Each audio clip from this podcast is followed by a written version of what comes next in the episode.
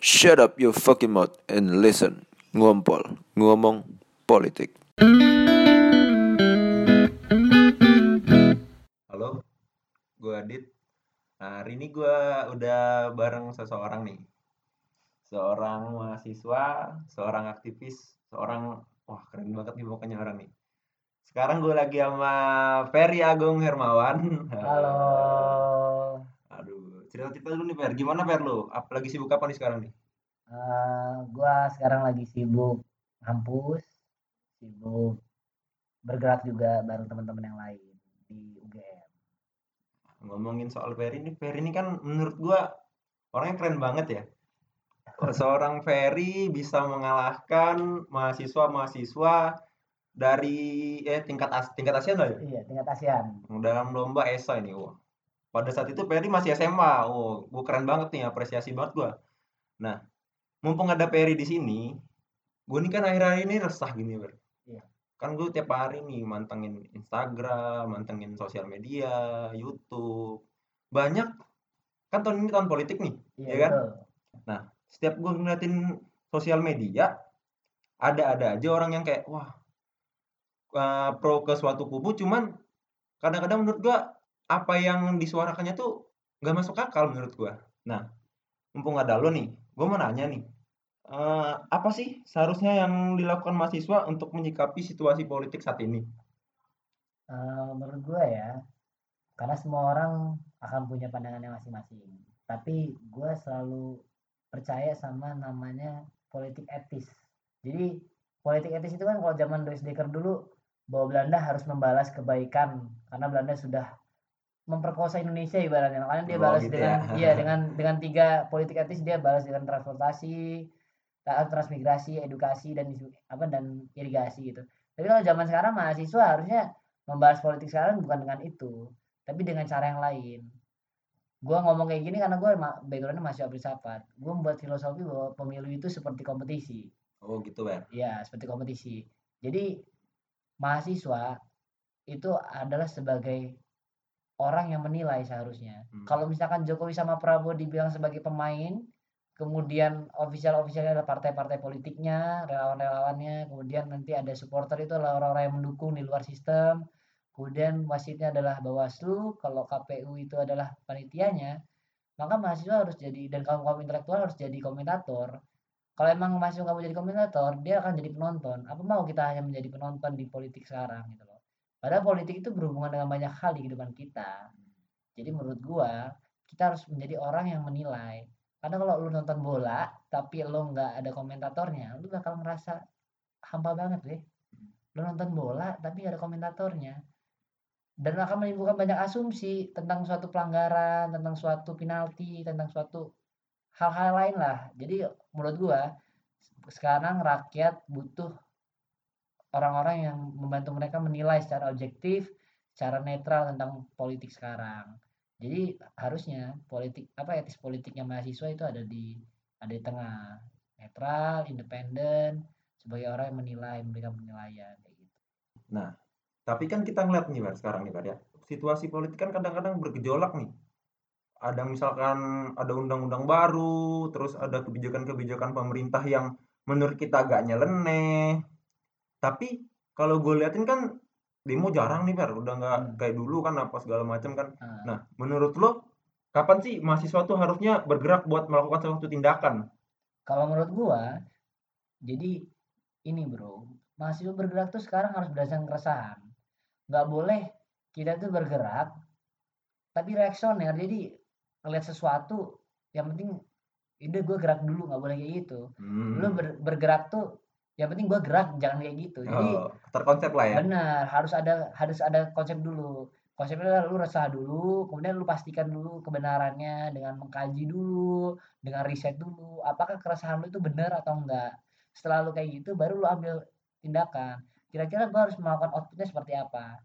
Kalau zaman dulu itu hanya aksi doang, karena memang itu yang diperbolehkan. Hmm. Kalau zaman dulu kan bukan diperbolehkan ya, yang bisa dilakukan hanya Iya. itu.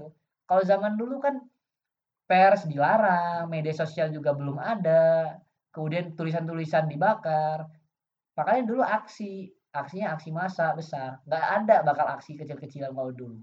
karena emang kalau masih kecil lu bakal kalah tapi kalau sekarang banyak medianya untuk outputnya jadi kalau menurut gue sekarang kalau misalkan jarang demo jarang ini oke okay, fine sekali-kali lu boleh kok demo tapi banyak cara-cara lain buat lu keluarkan pemikiran-pemikiran lo dengan tulisan dengan media dengan banyak hal termasuk dengan kayak lo nih podcast kayak gini nih. Gue selalu bilang nih apresiasi banget nih kalau udah ini bisa buat buat podcast terus kayak gini bantu teman-teman biar makin paham sama politik. Nah kan ngomongin demo nih Bar ya. Gue pernah sharing-sharing lah sama teman-teman kan kadang-kadang tanya oh kenapa ya kita sekarang mahasiswa jarang demo ya? Kenapa ya pergerakan-pergerakan masih gini nah ada suatu komentar nyalain nih dari teman gue dia ngomongin kayak buat apa sih demo? Kan sekarang udah bukan zamannya lagi. Buat apa sih nuntut-nuntut? Kan sekarang semuanya udah bagus. Nah menurut lo adakah pemerintahan yang bener-bener nggak bisa dikritik gitu? Wah salah banget tuh kalau ngomong kayak gitu. Namanya pemerintahan itu harus dikritik karena nggak ada namanya pemerintahan itu sempurna kan pemerintahan itu tentang pola pikir pemerintahan itu tentang pemikiran. Jadi kalau misalkan pemikiran kita beda dan kita harus saling mengkritik itu wajar. Menurut gua pemerintahan sekarang masih banyak kok jeleknya. Mau nggak mau kita harus kritik cuman kita juga mau nggak mau harus mengakui bahwa pemerintah sekarang banyak bagus pencapaian banyak pencapaian yang bagus. Dan kita harus apresiasi juga. Jadi kalau menurut gua teman lo ngomong pemerintahan kita udah bagus dan apa dan anti kritik dan bahkan sekarang dia membuat undang-undang yang juga membolehkan untuk rakyat di ditangkap, dikriminalisasi karena mengkritik pemerintah. Itu menurut gua udah salah banget sih. Kayak gitu. Ngomong-ngomong soal kriminalisasi. Kan banyak nih lagi isu-isu nih, oh kriminalisasi agama, eh kriminalisasi ulama gitu segala yeah. macam.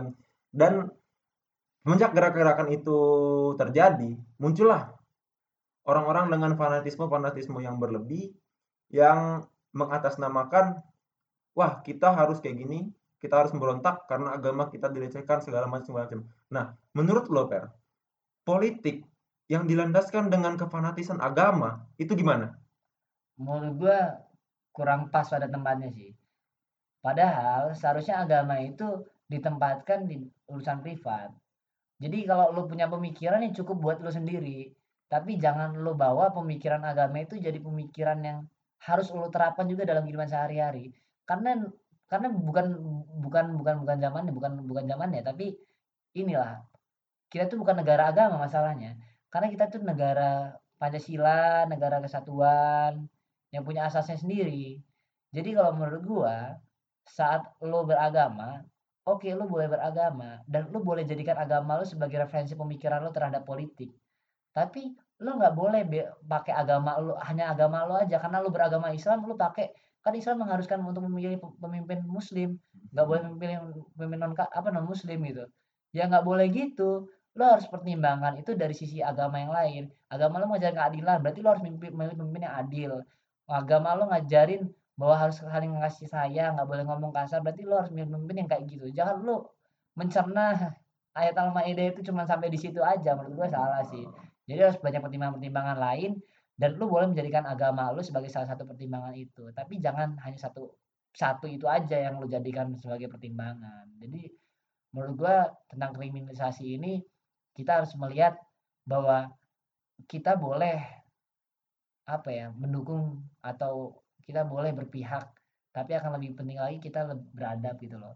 Jadi kalau misalkan lo mendukung lo berpihak sebagai mahasiswa dan sebagai pemuda melihat masalah-masalah negeri ini tapi lo harus beradab juga layaknya mahasiswa bukan layaknya politisi apalagi layaknya ulama lo menilai lo boleh menghakimi orang lain karena masalah benar dan salah itu urusan Tuhan boy. Oh, iya. Nabi Muhammad aja nggak Nabi Muhammad aja nggak boleh loh ngomong manusia itu benar atau salah kalau Tuhan nggak ngomong itu. Iya.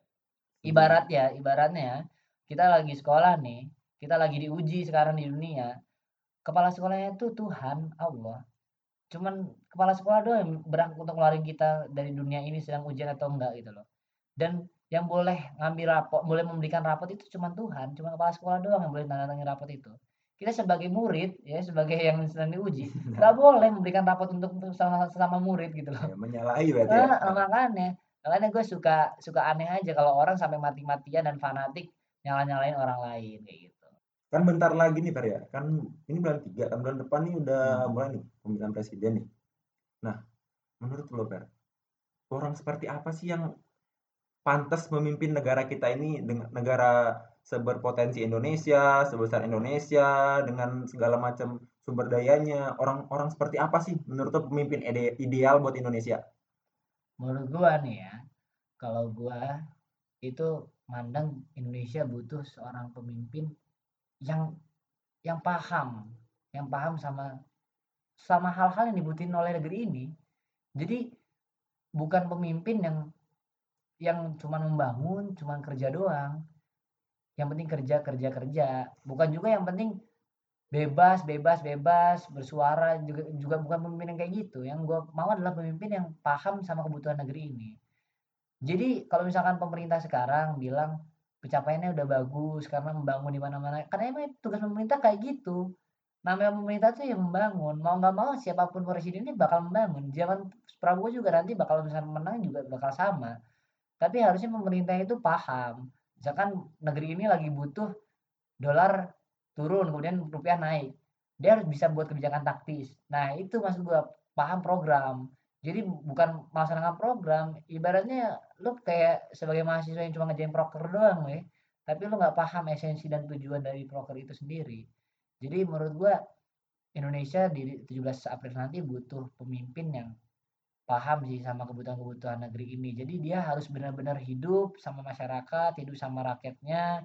Dia punya ideologinya sendiri dan dia nggak fanatik sama ideologinya juga. Dia juga meskipun dari parpol atau non parpol terserah, tapi yang penting dia nggak men, apa ya nggak melayani parpolnya bukan sebagai boneka parpol lah. Jadi maksud gue yang penting dia paham sama sama sama kebutuhan negeri ini gitu loh. Kalau di daerah ya berarti dia paham sama kebutuhan daerah. Jadi suka lucu bro. Kalau misalkan ngelihat caleg-caleg, misalkan calegnya lahirnya di Aceh, besar di Aceh, tapi nyaleknya di Sulawesi. Itu menurut malah apa ingat ya? kampung gitu Iya. Jadi dia nggak butuh, dia nggak tahu apa yang dibutuhin sama daerah itu sendiri. Tapi kalau dia mau nyalek, nyalek di Aceh lah. Jadi maksud gua kayak gitu tuh. Jadi yang yang dibutuhkan oleh negeri ini adalah pemimpin yang paham sama kebutuhan negeri ini. ngomong-ngomong soal dua calon nih Hmm. jadi lu milih siapa nih milih siapa nih lu Gue sampai sekarang belum milih sih. Oh, kenapa gitu karena memang gue merasa belum belum ada yang membuat gue untuk memilih gitu loh. Belum Hmm. ada yang bisa membuat gue untuk memilih. Gue nggak nggak bilang Jokowi jelek atau bagus dan Prabowo Jokowi Prabowo juga jelek atau bagus. Tapi yang gue lihat adalah Jokowi sama Prabowo belum paham sama kebutuhan bangsa ini. Hmm. ya karena karena mereka sekarang lebih bermain di tataran gimmick doang sih. Jadi sekarang itu perdebatan politik sekarang itu masih bermain belum pada esensi belum pada substansi lah ibaratnya kemarin gue ngeliat debat dua kali debat juga gue Iya. hanya ngelihat perdebatan-perdebatan yang tatarannya mungkin itu kelas-kelas gubernur lah. Kelas-kelas wali kota bahkan. Bahkan kelas-kelas dosen di kelas gitu loh. Kelas-kelas mahasiswa di kelas juga bisa ngelakuin itu gitu loh. Tapi kan gue mau yang lebih dari itu gitu loh. Ibaratnya kalau misalkan gue ngelihat nih ya Iya. video-video kan gue sering nonton Ah. video-video kan. Ada tuh orang ngomong harusnya debat itu lebih dari itu jadi debat capres cawapres itu kalau ibarat kita sedang lalu lintas lo ketilang polisi lu ta- saat ditanyain kenapa mas gak pakai helm? Kalau debat capres sama cawapres kemarin kalau Jokowi sama Prabowo ini tilang dia bakal jawab karena saya lupa pak. Ya kayak gitu dia bakal jawab kayak gitu hal, -hal teknis. Iya. Harusnya dia jawab lebih dari itu. Nggak ada pengembangan lah ya. Nah dia harusnya jawab lebih dari itu. Dia jawab harusnya emang kenapa pak? Kalau saya nggak pakai helm. Kalau saya mati lantas kenapa bapak takut negara ini kehilangan satu pembayar pajak. Nah harusnya dia sampai sedalam itu Iya, ngomongnya iya, iya, iya. terus kemudian polisinya jawab oh iya juga. Kan tapi saya disuruh seperti ini pak. Ya kenapa mas kenapa bapaknya mau gitu loh. Disuruh seperti itu. Apakah negeri ini udah nggak punya potensi lain dari sumber pajak? Iya, iya. padahal negeri ini punya ini punya itu. Harusnya dia bahas sampai sejauh itu. Kalau Jokowi sama Prabowo kemarin debatnya masalah lahan kemudian Jokowi menyindir Prabowo lahannya 120 ribu hektar harusnya Jokowi bukan bukan menyindir sampai di situ harusnya Jokowi lebih dari itu sindirannya adalah apakah 120 ribu hektar 220 ribu hektar ya bukan 120 ribu 222 hektar yang dipunyai oleh Pak Prabowo itu sudah dibuat untuk memakmurkan masyarakat di sana. Ah, bener tuh. Setuju Apakah gua. sudah membuat masyarakat di sana bahagia? Apakah tidak melanggar etika lingkungan? Kayak gitu harusnya. Harusnya lebih lebih dalam kayak gitu. Dan kemarin Jokowi sama Prabowo nggak bisa debat seperti itu. Dan gua sesali di situ. Makanya gua kayaknya nggak bakal milih deh di 17 April nanti. Sama kayak gue. Soalnya dari dua kali debat, gue nonton juga bener kayak kata lu, nggak ada apa ya, nggak ada sesuatu yang bener kayak menyulut setidaknya sedikit lah apa aware buat gue. Oh, menarik banget nih buat dikembangin lagi nih apa segala macam kan. Hmm. Nggak ada, belum ada. Hmm, Dan juga isu-isu yang beredar juga basi menurut gue. Kayak politik-politik sekarang naikin-naikin isu agama. Sebenarnya kan isu agama itu udah ada dari dulu. Dasar orang-orang Indonesia belum pada melek sama yang namanya politik. Anak-anak mudanya juga kadang-kadang bukan kadang-kadang sih kebanyakan nggak peduli sama politik. Kalau lu tahu politik agama itu, gak usah jauh-jauh dah, gak usah jauh-jauh dah. Waktu Obama nyalon pertama kali, itu kan juga dipakai. Obama disangkain Islam lah, segala Ah. macam dipakai buat jarang Obama. Tapi pinternya orang Amerika, walaupun Obama diserang isu kayak gitu, dia nggak kalah. Orang Amerika tetap, tetap cerdas milih itu menurut gua. Iya benar.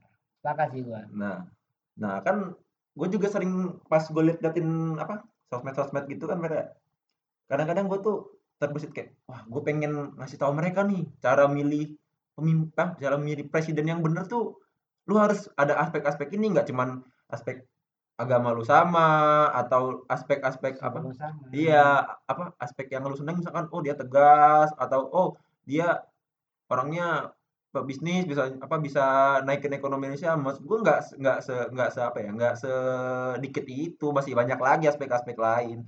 Nah, menurut lo gimana sih Fer cara menentukan pilihan untuk memilih presiden yang benar lah? Hmm. Kalau menurut gua yang pasti kita pertama harus paham dulu posisi kita di mana. Iya, Untuk menentukan pilihan kita harus paham dulu posisi kita di mana. Jangan lu menentukan pilihan tapi karena posisi lu udah di nomor satu atau nomor dua, lu harus tempatkan posisi lu dulu di tengah. Dan kemudian lu riset, lu kenali calonnya masing-masing calon secara objektif, kemudian lu cari tahu gitu. Karena kalau gue sendiri sampai sekarang nggak bisa memilih karena emang mungkin pengetahuan gue belum sejauh itu untuk untuk riset dan gue hanya hanya lihat dari literatur-literatur yang mungkin belum sejauh teman-teman dan teman-teman saran saranku harus gitu. Jadi gua gua rasa kita harus kenali calon. Iya. Setelah kita kenalin calon tuh apakah cukup mengenali calonnya doang? Enggak, tapi harus kenalin orang-orang di sekitarnya juga. nah benar tuh. Karena presiden itu nggak bakal kerja sendiri. Presiden itu hanya penentu keputusan final. Karena yang bakal bekerja dan membuat kebijakan-kebijakan itu menteri-menterinya. Dan orang yang bakal jadi menteri-menterinya adalah orang di sekitarnya. Ya ketua-ketua parpolnya, orang-orang legislatif yang di sekitarnya, kayak gitu lah. Ya ini ya orang-orang yang di sekitarnya itu harus kita lihat, akademisi-akademisi di sekitarnya, ulama-ulama di sekitarnya itu harus kita lihat juga. Apakah orang-orang yang juga paham tentang kebutuhan negeri ini gitu loh. Kemudian yang selanjutnya adalah yang harus lo lihat juga background dia sih Jadi, background dia background jadi adalah kenapa gue lihat background karena gue nggak melihat ya gue nggak mengeneralisir background yang bagus itu adalah orang yang pernah memimpin enggak Enggak. tapi background yang menurut gue adalah apa sih yang udah dia dia lakuin di masa lalu gitu loh Oh iya. apa iya. yang dia udah lakuin di masa lalu Track record lah ya gitu. Nah, track record. Menurut gua kalau misalkan Prabowo di militer itu misalkan dia bagus juga nggak masalah. Itu bisa jadi pertimbangan kita gitu loh. Karena meskipun ya ba- banyak orang bilang mimpin rakyat sama mimpin pasukan tuh beda, tapi menurut gua seorang pemimpin bakal sama aja. Visi apa ya? Visi misi dan esensi seorang pemimpin bakal sama aja di mana aja. Tapi memang gayanya bakal beda. Nah, itu yang itu tergantung selera. Lu mau seleranya dipimpin sama militer atau dipimpin sama seorang birokrat kayak gitu. Itu Oh. tinggal selera aja. Cuman kan Tapi kata- esensi setiap pemimpin bakal sama. Iya. Kayak gitu. Nah, cuman kan ketakutan orang-orang nih, Bar. Misalkan eh, Prabowo jadi ini kan banyak isu yang Ah. berkembang dari sebelah Ah. kan gitu kan. Ini Ah. kita jual-jual isu aja nih orang-orang pada Iya. sekarang nih.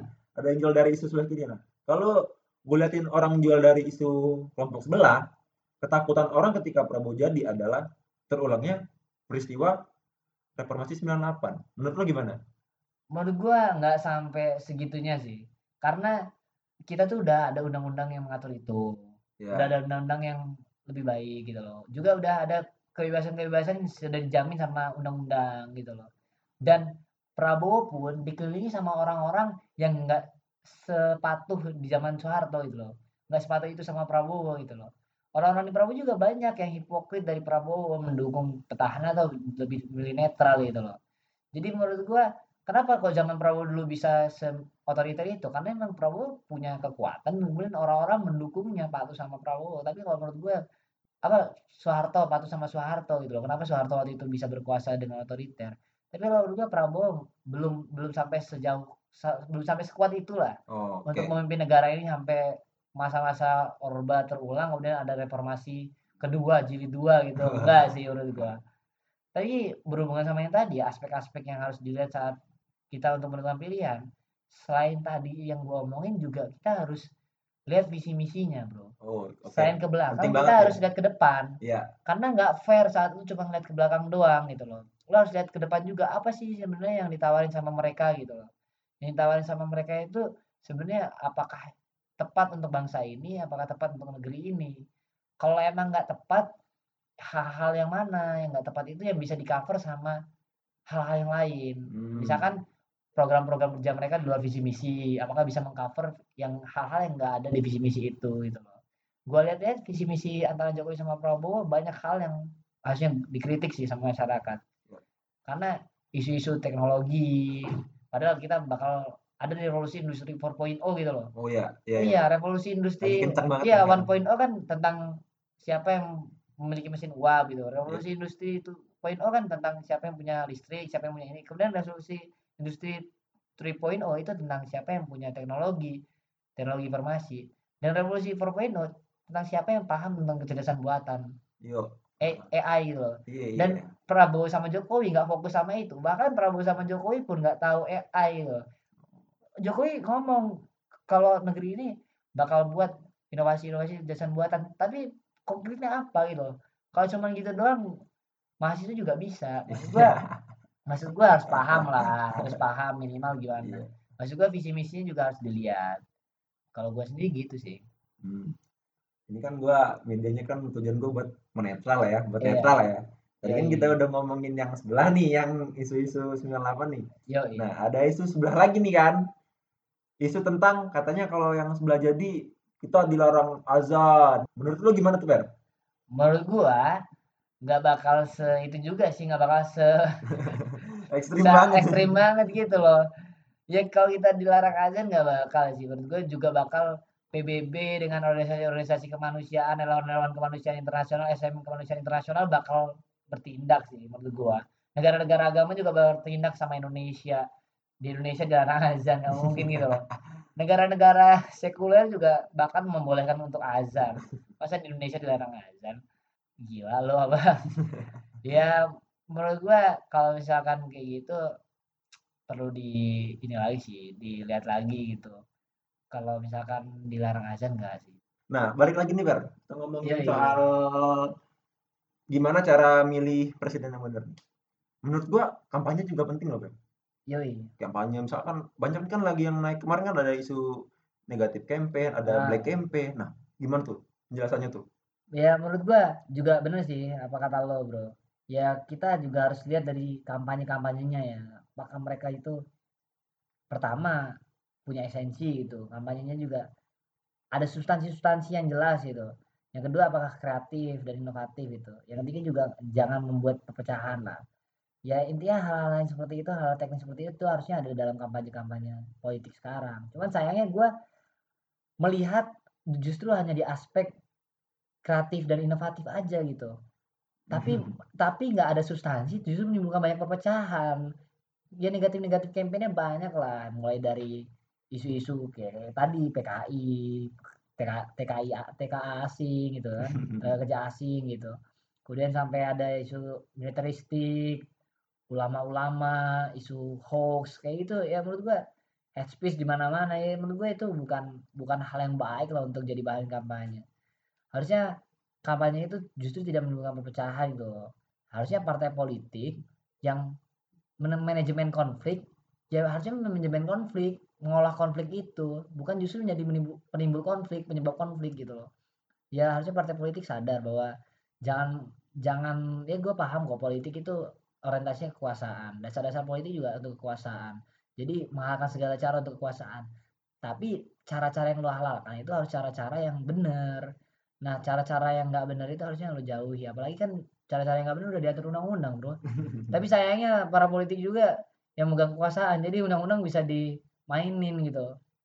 Ya menurut gua, gua menunggu sih bangsa ini untuk dipimpin sama orang-orang yang kampanyenya dengan hal yang kreatif, bersubstansi tapi nggak menimbulkan perpecahan. Oh, lo dong itu Per, lo dong. Waduh. Lima, tahun lagi nih, lima sepuluh tahun lagi lah Per ini ya. Wah. Oh. Ya amin lah ya. Ferry, ah, ngomongin kan Ferry ini seorang aktivis kan. Yoi. Jadi, wah, gua kalau diskusi sama Ferry ini, wah gila nih sampai pagi kan. Gila gua kalau berguru lah gua sama Ferry nih ya. Anjir. gua berguru lah sama Ferry nih kan. Gue belum pantas lah jadi guru lo. Iya. Kita sama-sama belajar. Cuman beruntungnya mungkin gue punya pemikiran yang lo butuhin. Makanya lo belajar terus sama gue. Ya gitu. Nah, cuman kan kadang-kadang kan banyak orang juga yang kayak apa ya? Terbatas lah fasilitasnya buat diskusi. Apa sih yang harus dilakuin mahasiswa sekarang tuh supaya mereka lebih terbuka pikirannya gitu? Oh, oke. Jadi kalau lo mau terbuka ya, saran gua, dan ini mungkin bakal menjadikan lo sebagai aktivis juga gitu. Dan aktivis itu jangan lo konotasikan buruk juga, karena aktivis itu adalah orang-orang yang aktif bergerak gitu, aktif aktif menyuarakan apa apa yang perlu disuarakan di zaman di zaman yang se apa ya, segila ini gitu loh, seedan ini gitu. Jadi kalau menurut gua untuk lo mempunyai pemikiran terbuka, wawasan yang luas, pertama lo harus baca bro. Jadi di kamar lo, di kos-kosan lo tuh harus ada banyak buku, ada rak buku. Kalau sekarang belum ada rak, lu sekarang besok beli buku dah. Lu beli rak buku, lu banyakin tuh buku-buku lo. Lu baca, tapi jangan lu cuman pajang di kamar. Lu baca buku. Yang kedua, lu nonton, nonton. Jadi YouTube lo, Instagram lo, jangan cuman follow dan subscribe hal-hal yang Lambe Apa turah misalnya. kami tura gitu. Lu cinta Luna, lu yang lagi tuh. Jadi lu sebagai anak muda mahasiswa lu subscribe lah hal-hal yang kayak misalkan ya si Peter politik, asumsi atau mungkin kalau misalnya isu-isu energi ya lu follow hal-hal yang berhubungan dengan energi gitu loh. Lu kalau misalnya isu-isu lingkungan follow hal-hal yang berhubungan dengan lingkungan, isu kemanusiaan berhubungan dengan isu kemanusiaan. Misalkan kontra sosial movement Indonesia amnesti atau apalah kayak gitulah hal yang kayak itu yang lu follow dan lu tonton. Di Twitter juga sama di Line gitu di Facebook. Pokoknya semua hal yang jadikan yang lu jadikan teman yang lu jadikan lu jadikan apa ya following lo itu hal-hal yang yang mencerdaskan lo lah gitu jadi kalau misalkan lu sekarang follow orang-orang yang nggak cer- yang nggak mencerdaskan lo lu unfollow aja di sekarang saran gua karena mau nggak mau ya ini riset loh hal-hal yang lu follow itu mempengaruhi kepribadian lo juga gitu. Jadi mempengaruhi pemikiran lo juga. Jadi menurut gua lu harus mulai ini deh, mulai paham bahwa sebenarnya lu menggunakan media itu harus harus cerdas dan mencerdaskan. Kalau itu baca, nonton, ya kan? Kemudian lu bisa diskusi nih. Jadi saran gua lu diskusi. Kan di diskusi lah tempat lu untuk mengeluarkan output-output yang yang cerdas dari pemikiran-pemikiran lo. Nah, saat lo diskusi kan akan ada timbal balik tuh. Saat diskusi akan ada kecerdasan. Apakah pemikiran lo benar-benar cerdas? Nah, nanti kalau misalkan teman lo sendiri yang lebih cerdas itu misalkan mengatakan, wah gue punya pandangan kayak gini nih. Nah, akhirnya lo ikutan cerdas juga kayak teman lo gitu loh. Jadi kalau misalkan lo cuma nggak pernah diskusi, lo cuma kayak punya pemikiran di dalam tempurung kepala lo doang gitu loh. Lo nggak Ya, bisa ya. nggak bisa kembangin. Iya, iya. Kecuali kalau lu diskusi sama orang, lu bisa punya paradigma yang la paradigma yang lain tuh. Wawasan-wawasan yang lain dan pemikiran lu jadi makin berkembang. Makanya gue suka suka aneh aja nih sama teman-teman gue bacaannya banyak cuma kalau buat diskusi nongkrong gitu nggak mau gitu kadang malah tabu itu menurut gue bakal bakal membuat pemikiran lu kecil dan gak punya pemikiran yang luas dan jadi akhirnya lu fanatik gitu sama pemikiran orang lain Nah, itu tuh. jadi lo harus harus rajin-rajin diskusi lah. Dengan diskusi lo bisa jadi punya pemikiran yang luas dan lo nggak fanatik sama pemikiran lo sendiri. Makanya itu tuh yang gue tangkap tuh gini nih, biasanya orang polanya kalau dia habis dia nerima suatu pengetahuan lah, dapet nih dari mana kayak dari buku kayak dari sosial media. Ketika itu dikonsumsi oleh dirinya sendiri, maka akan muncul fanatisme-fanatisme di situ. benar Karena Sepakat. lu tidak ada perbandingan buat oh dari pemikiran gua buku ini kayak gini, terus dari pemikiran orang lain buku, buku ini gimana ya? Eh, Nah, nice. jadi lu cuman mengamini apa yang lu baca, apa yang lu pahami lu amini. Lu nggak melihat dari sisi orang lain. Nah, Benar. di situlah fanatismenya muncul. Nah, itu yang salah menurut gua. Banyak nih kayak teman-teman gua nih kan. Wah, ada nih per teman gua kan Iya, iya. ditanyain nih kan, wah debat apa enggak debat sih diskusi lah, diskusi lewat sosial media lah kan, wah masalah presiden gini gini gini segala macem. Terus tiba-tiba dia ngomong gini, eh nggak usah lah diterusin, ini kan udah jelas gini gini gini. Janganlah kita mendebat, wah langsung ngeluarin hadis kan, wah langsung debat, Wah. langsung angkat tangan kan, gimana lagi tuh, udah ngeluarin hadis kan nggak bisa apa-apa kita kan. Nah, menurut lo gimana sih caranya supaya apa ya, supaya kita nggak stuck gitu kan, nggak stuck, terus nggak cuman berpikir di situ doang. Ya selain diskusi lah, misalkan kan ini nih, misalkan apa, diskusi kan juga harus ada orang-orang yang pas kan. Iya, iya. Nah kebanyakan nih gue liat nih ya, teman-teman gue tuh kalau yang di daerah-daerah misalnya gitu kan, Ah, kekurangan teman-teman diskusi gitu. Gimana sih caranya? Lo lo harus aktif emang apa gimana sih? Menurut gue sih ya, kalau tadi ya yang gue nyingkapin juga teman lo yang ngomong Heeh. hadis-hadis itu tadi, emang dia nggak tahu apa kalau Islam sendiri mengajarkan untuk berbicara yang baik gitu. Jadi oke Islam melarang debat, tapi kalau dalam perdebatan itu ada kata-kata yang baik, ada pikiran-pikiran yang baik, apakah Islam melarang? Enggak lah bro, Hmm. gitu loh. Kalau Islam melarang harusnya MUI udah keluarkan maklumat tentang debat capres dilarang gitu loh. bener bener harusnya. Jadi kalau lu nggak mau debat sama orang gara-gara ngeluarin hadis-hadis kayak gitu, lu kayaknya kurang baca deh. Jadi kalau menurut gua untuk untuk pikiran kita lebih berkembang lagi, ya selain baca, nonton sama diskusi, terutama nih untuk anak-anak daerah ya, dan anak-anak kota juga nih, lu harus ikutin berita-berita terbaru ya. Kalau misalkan lu di kota kan lu punya HP, punya gadget, lu taruhlah aplikasi berita gitu di HP lu. Baik berita nasional atau berita internasional gitu untuk up to date biar lu nggak stagnan nggak stagnan gitu loh nggak nggak ketinggalan sama berita-berita terbaru. Kalau misalkan di daerah ya lu bisa koran lah. Kalau di Iya, daerah iya, koran iya. masih ada kok. Ada lah ada. Di daerah koran masih ada kok.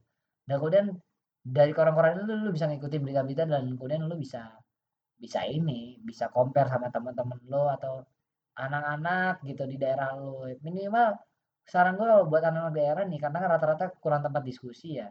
Lu ngumpul sama temen lo, kemudian lu diriin komunitas dah. Daerah kemudian komunitas itu lu omongin ke dinas, dinas-dinas di daerah lu, dinas sosial kayak atau dinas pemuda, dinas-dinas yang berhubungan lah. Ada kok anggarannya, ada kok undang-undangnya yang mengharuskan bahwa dinas pemuda itu mewadahi semua komunitas-komunitas anak muda di daerah. Jadi saran gue lu bentuk komunitas itu dan di komunitas itulah lu berproses sama teman-teman lu dengan hobi dan passion yang sama dan pikiran yang sama. Di situlah lu bisa diskusi gitu. Kayak gitu kalau gua. Yang terakhir nih Per ya. Kan ini nih, banyak anak-anak muda nih ya. Umur-umur kita lah umur 18 ke atas lah. Ini masih banyak nih yang nggak peduli nih kan. Wah, nih ntar lagi pilpres. Ah, bodo amat lah pilpres. Siapa pun presidennya nggak bakal ngubah hidup gua. Iya. Nah, itu menurut gua sih agak lucu sih. Seorang yang apalagi mahasiswa ya mikirnya sampai kayak gitu. Nah, itu gimana menurut lo? Ah, gue penasaran nih. Iya, Dari sudut pandang lo nih. menurut gua nih ya.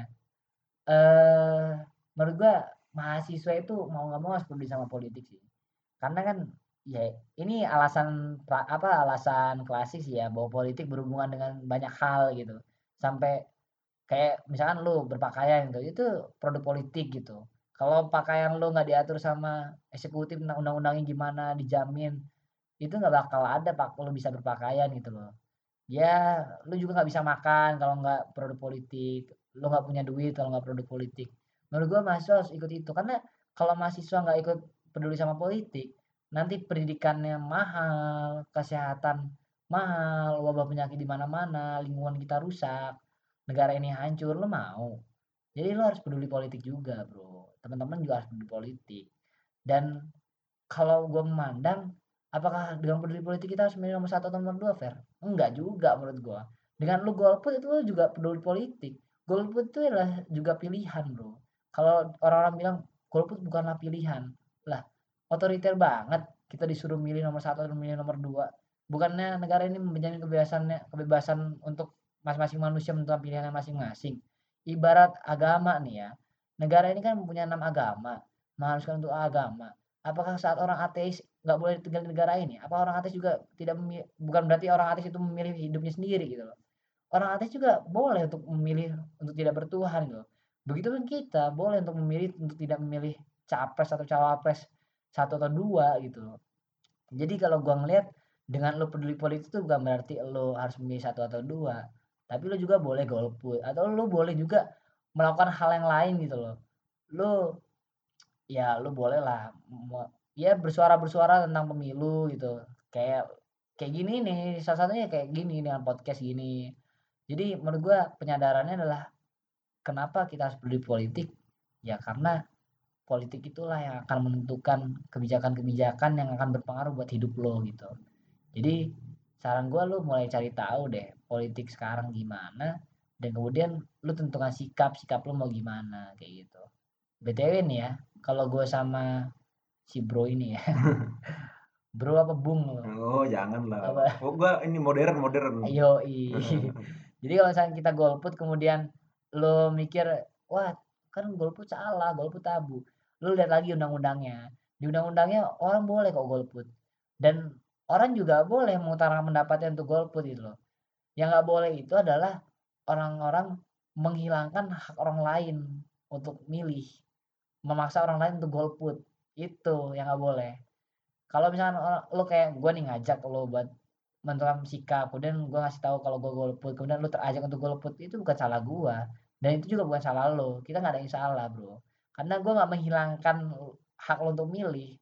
Karena lo boleh menerima ajakan gue atau lo juga boleh menolak ajakan gue. Kecuali kalau gue maksa lo buat golput. Jadi intinya kayak gitu sih. Mahasiswa harus menentukan sikap hari ini. Karena pemuda juga aja pemuda dan mahasiswa belum menentukan sikap hari ini dan kadang udah ada yang menentukan sikap tapi buta sama sikapnya sendiri nggak paham Iya, dia itu iya, menentukan iya. sikap itu karena apa gitu loh iya, kalau gua sendiri kayak gitu Ya udah sekian dulu dari gua. Mudah-mudahan podcast ini bisa ngebantu buat lo semua buat tentuin pilihan lo ke depannya presiden. Lebih ngebuka pandangan lo lah. Mudah-mudahan sih gua ngarepnya gitu. Ya sukses buat Ferry. Yo bro. Semoga Mohon sukses doa ya, teman-teman Iya, ya.